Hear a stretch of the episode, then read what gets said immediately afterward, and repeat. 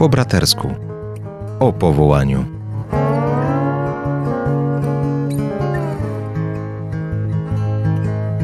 A na audycję zapraszają ojciec Tomasz Mordziałek oraz ojciec Andrzej Grat.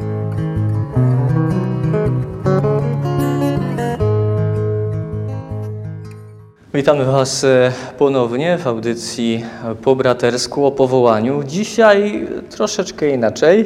Jak po bratersku się śmialiśmy, że może bardziej po sąsiedzku, ale to zaraz wytłumaczę. E, z nami dzisiaj w audycji e, Paweł Siemiątkowski, torunianin, parafianin z naszej paulińskiej placówki, parafii właśnie w Toruniu, dlatego śmialiśmy się, że po sąsiedzku. Za sterami technicznymi naszej audycji oczywiście ojciec Andrzej Grat, no i z Wami też ojciec Tomasz Mordziałek.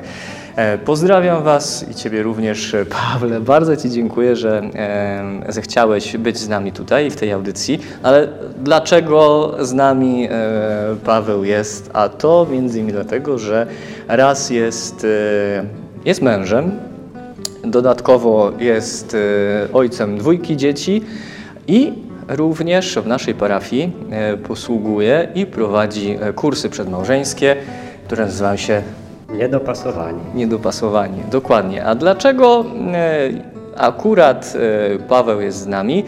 Bo już raz rozmawialiśmy o pewnym takim etapie przygotowawczym w drodze rozeznania, powołania. Akurat tu był prenowicjat, też trochę nowicjatu li, liznęliśmy.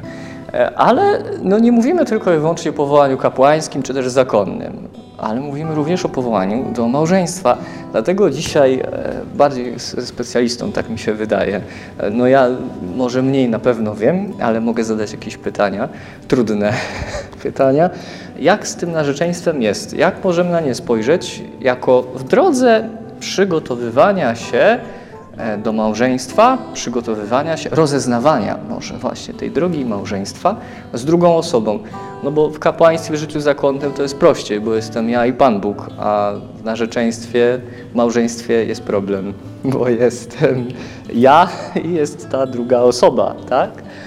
E, Pawle, to jakbyś, e, no właśnie, zacznijmy może od tego, czy narzeczeństwo ostatecznie musi się skoń skończyć małżeństwem?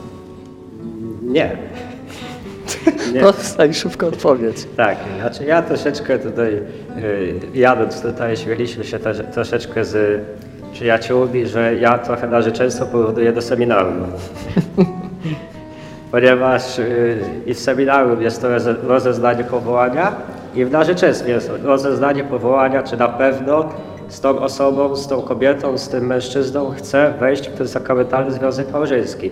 I nie zawsze kończy się to, że, tak, że powiem tak, że nie zawsze kończy się szczęśliwie, bo często jest tak, że osoby na narzeczeństwie uświadamiają sobie, że nie pasują po prostu do siebie i przed tym zawarciem sakramentalnego związku małżeńskiego się po prostu rozchodzą.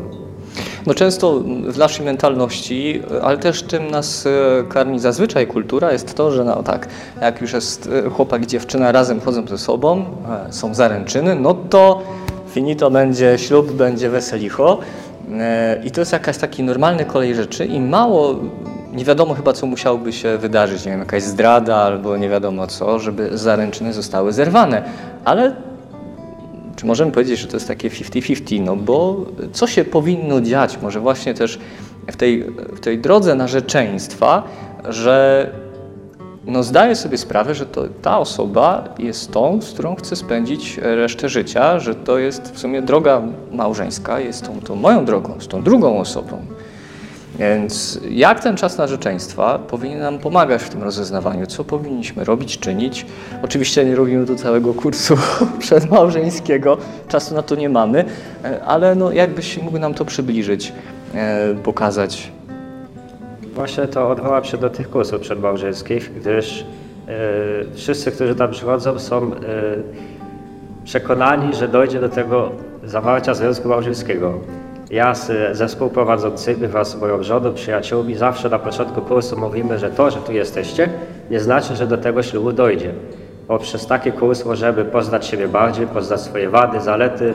Być może w trakcie tego kursu spadną te różowe okulary, które niekiedy spadają dopiero po zawarciu małżeństwa i próbujemy uświadomić tych uczestników, że muszą ze sobą rozmawiać i bardzo mocno stawiamy na komunikację, na poznanie siebie nawzajem, na to, jakie są wady mojej, mojej narzeczonej, mojego narzeczonego i niekiedy bardzo ciężko przyjąć tym narzeczonym jest to, że oni są tacy, jacy są, że oni widzą siebie w takim różowym świetle, y, że wszystko jest super, a przychodzi co do czego, no to niestety miesiąc, dwa po zawarciu małżeństwa oni nagle nie umieją ze sobą nawet rozmawiać.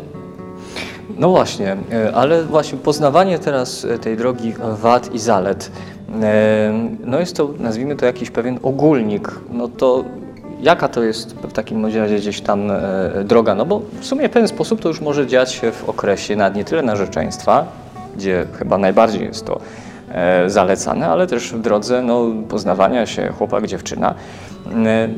Narzędzie, e, słowa, pytania nawet pomocne ku temu, no by poznać, bo podejść do narzeczonego czy narzeczonej, no słuchaj, jakie są twoje wady? No dajesz, albo zalety. E, Jak to szukać? Może jakie, jakie pytania zadawać? Czy jakiś zestaw możemy gdzieś znaleźć? Coś, co będzie e, już dla nas jakimś gotowym e, narzędziem, e, ściągą, która pomoże nam w tym wejść, w to, w to poznawanie głębsze drugiej osoby. Ja osobiście uważam, że nawiążę znowu do kursu, że na taki kurs narzeczeni powinni się zapisać jak najszybciej. Bardzo często się zdarza, że narzeczeni na taki kurs zapisują się miesiąc, dwa miesiące przed ślubem i ten czas narzeczeństwa jest wtedy stracony i to oni sami mówią nam na koniec kursów, że ten czas był bardzo słabo przepracowany. Oczywiście są takie pytania, odpowiedzi, yy, które my w trakcie kursu y, dajemy do przepracowania i bardzo często ci narzeczeni są w szoku, że jak mówimy o podstawowych rzeczach, o jakimś podziale obowiązków, jaki będzie w naszym małżeństwie i oni już na takim etapie są przeciw sobie, że mijają się troszeczkę ze swoimi zdaniami y, i dlatego ja zawsze mówię, że warto, za, na, warto zacząć od podstaw po prostu. Y, Jak chcemy, żeby wyglądało to nasze wspólne życie.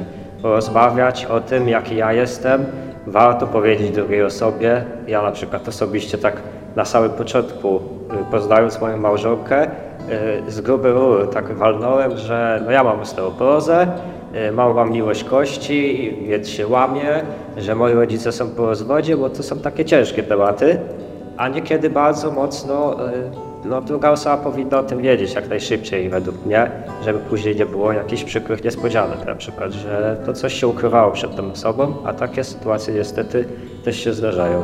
Gramy w otwarte karty na, na, na dzień dobry. E, Nie powinniśmy się bać e, hmm, odrzucenia, no bo jeśli mamy budować miłość, no to na, na szczerości, uczciwości.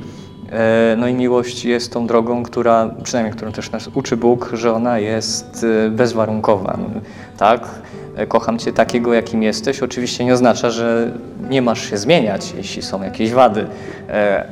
Też to ma jakoś dorastać, ma się to, to zmieniać, no ale w tym momencie taki, taki jestem, z taką też historią życia. No właśnie, też poznawania, tak jak tu sam wspomniałeś, poznania historii życia danej osoby.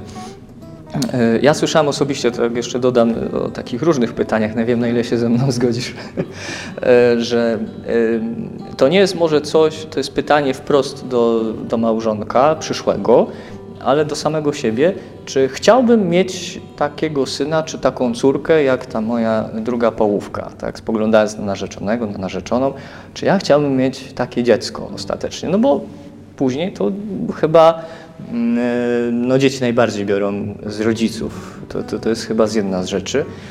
E, A też takie pytanie, to jest ciekawe, to mówił jeden z zakonników, to mnie akurat rozbawiło, czy brzydzę się wziąć y, łyżeczkę po, po moim narzeczonym, po mojej narzeczonej, nie na zasadzie, że nie wiem, jedlibyśmy wspólnie lody tą jedną łyżeczką, nie? Czy się tym brzydzę, czy nie. No taki papierek laksmusowy, niewielki, ale coś, co sam mogę sobie zadać pytanie, ale nie muszę wcale tego konfrontować z, z drugą osobą. Może masz y, coś takiego, nie, nie wiem, czasami może trudno tak z rękawa wyci- wy- wyciągnąć, nie? Ale takie pytanie, może masz takie do dorzucenia? Ja taki bardzo podobny przykład słyszałem, tylko o skarpetki chodziło. Czy, czy ty będziesz w stanie podnieść te skarpetki jego, które zostawił wieczorem i rano wrzucić na przykład do y, tego kosza na pranie? Więc y, takie podstawy bardzo często y, są pomijane. Czasem myślimy już o tym, ile dzieci byśmy chcieli, jak byśmy chcieli, żeby wyglądał nasz, do, nasz dom, a pomijamy takie podstawy, jak na przykład y, kto będzie gotować, czy będziemy wspólnie gotować, czy jak, jak się dzielimy obowiązkami takimi codziennymi, panie, gotowanie, prasowanie. I ja uważam, że no, należy jak najbardziej zacząć od tych takich podstawowych rzeczy i po, przechodzić te poziomy po kolei. E, Nie zaczynam od razu, znaczy nie od razu może z grubej rury, chociaż to też jest ważne, tak? E, Ale to właśnie te kwestie fundamentalne. Ale tu mówimy teraz o rozmowie. Mm, Ale czas narzeczeństwa nie opiera się tylko i wyłącznie na tym, że rozmawiamy i gadamy. Coś jeszcze jest. E, Jest ta droga bycia ze sobą, obecności. E, Czy może tutaj jest coś, co, na co powinniśmy zwrócić uwagę bardziej, gdy jesteśmy no, w narzeczeństwie chyba częściej ze sobą i wspólnie, w jakichś sytuacjach poznajemy rodzinę drugiej osoby. Mm, e, Czy, czy tutaj jest jakaś przestrzeń dla nas ważna, istotna w rozeznawaniu, e, że droga małżeńska z tą osobą e, jest dla mnie okej? Myślę, że tutaj temat rodziców naszych też jest takim tematem wartym uwagi, gdyż ja sobie nie wyobrażam nie być akceptowany przez moich przyszłych teściów na przykład.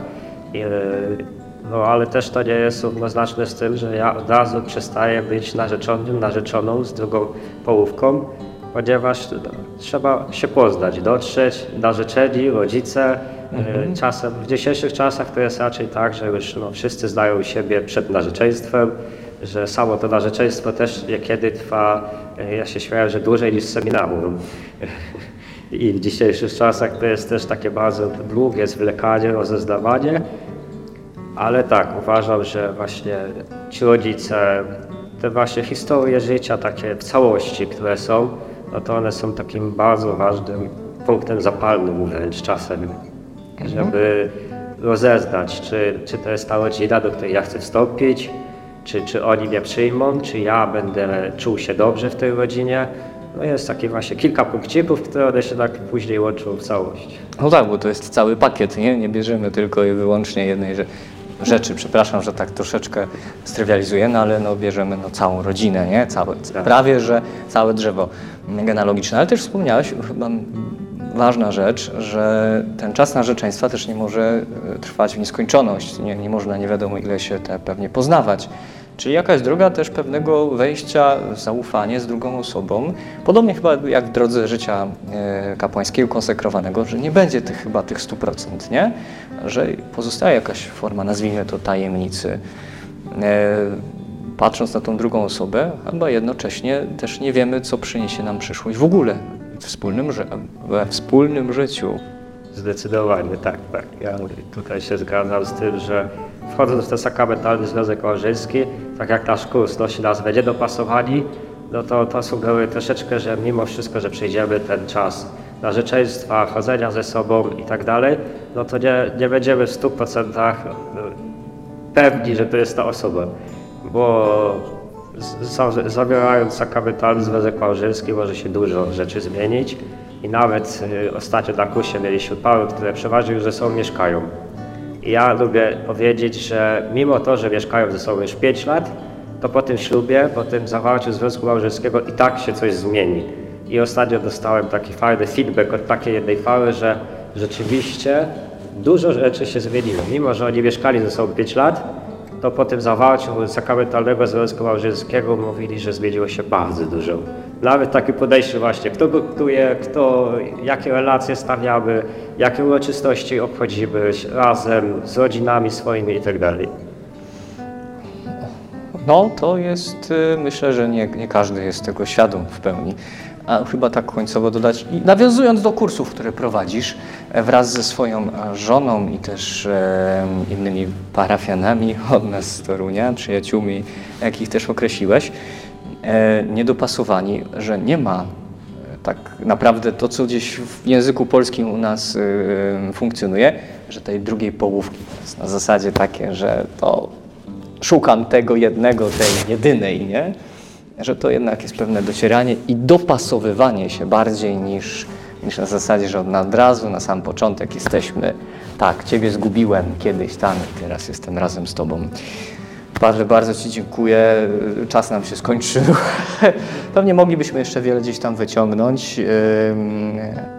Za ten wspólny czas i za to, że e, też odważyłeś się, bardzo Ci dziękuję, być tutaj z nami w audycji po bratersku o powołaniu, po powołaniu do małżeństwa i w tej drodze rozeznawania e, narzeczeńskiej. Moim gościem i Waszym, drodzy radiosłuchacze i widzowie od strony YouTube'a, e, Paweł Siemiątkowski, mąż, e, ojciec i prowadzący kursy e, dla narzeczonych, ale też i nie tylko to. Widzimy się i słyszymy e, za tydzień w audycji po bratersku o powołaniu. Edyta Stein mówiła, że powołania nie znajduje się po prostu po zestawieniu i przeanalizowaniu różnych dróg. Powołanie jest odpowiedzią otrzymaną w modlitwie. Proszę więc trwaj na modlitwie za siebie i za innych. A jeśli szukasz wsparcia, zajrzyj na powołania paulini.pl i na nasze media społecznościowe.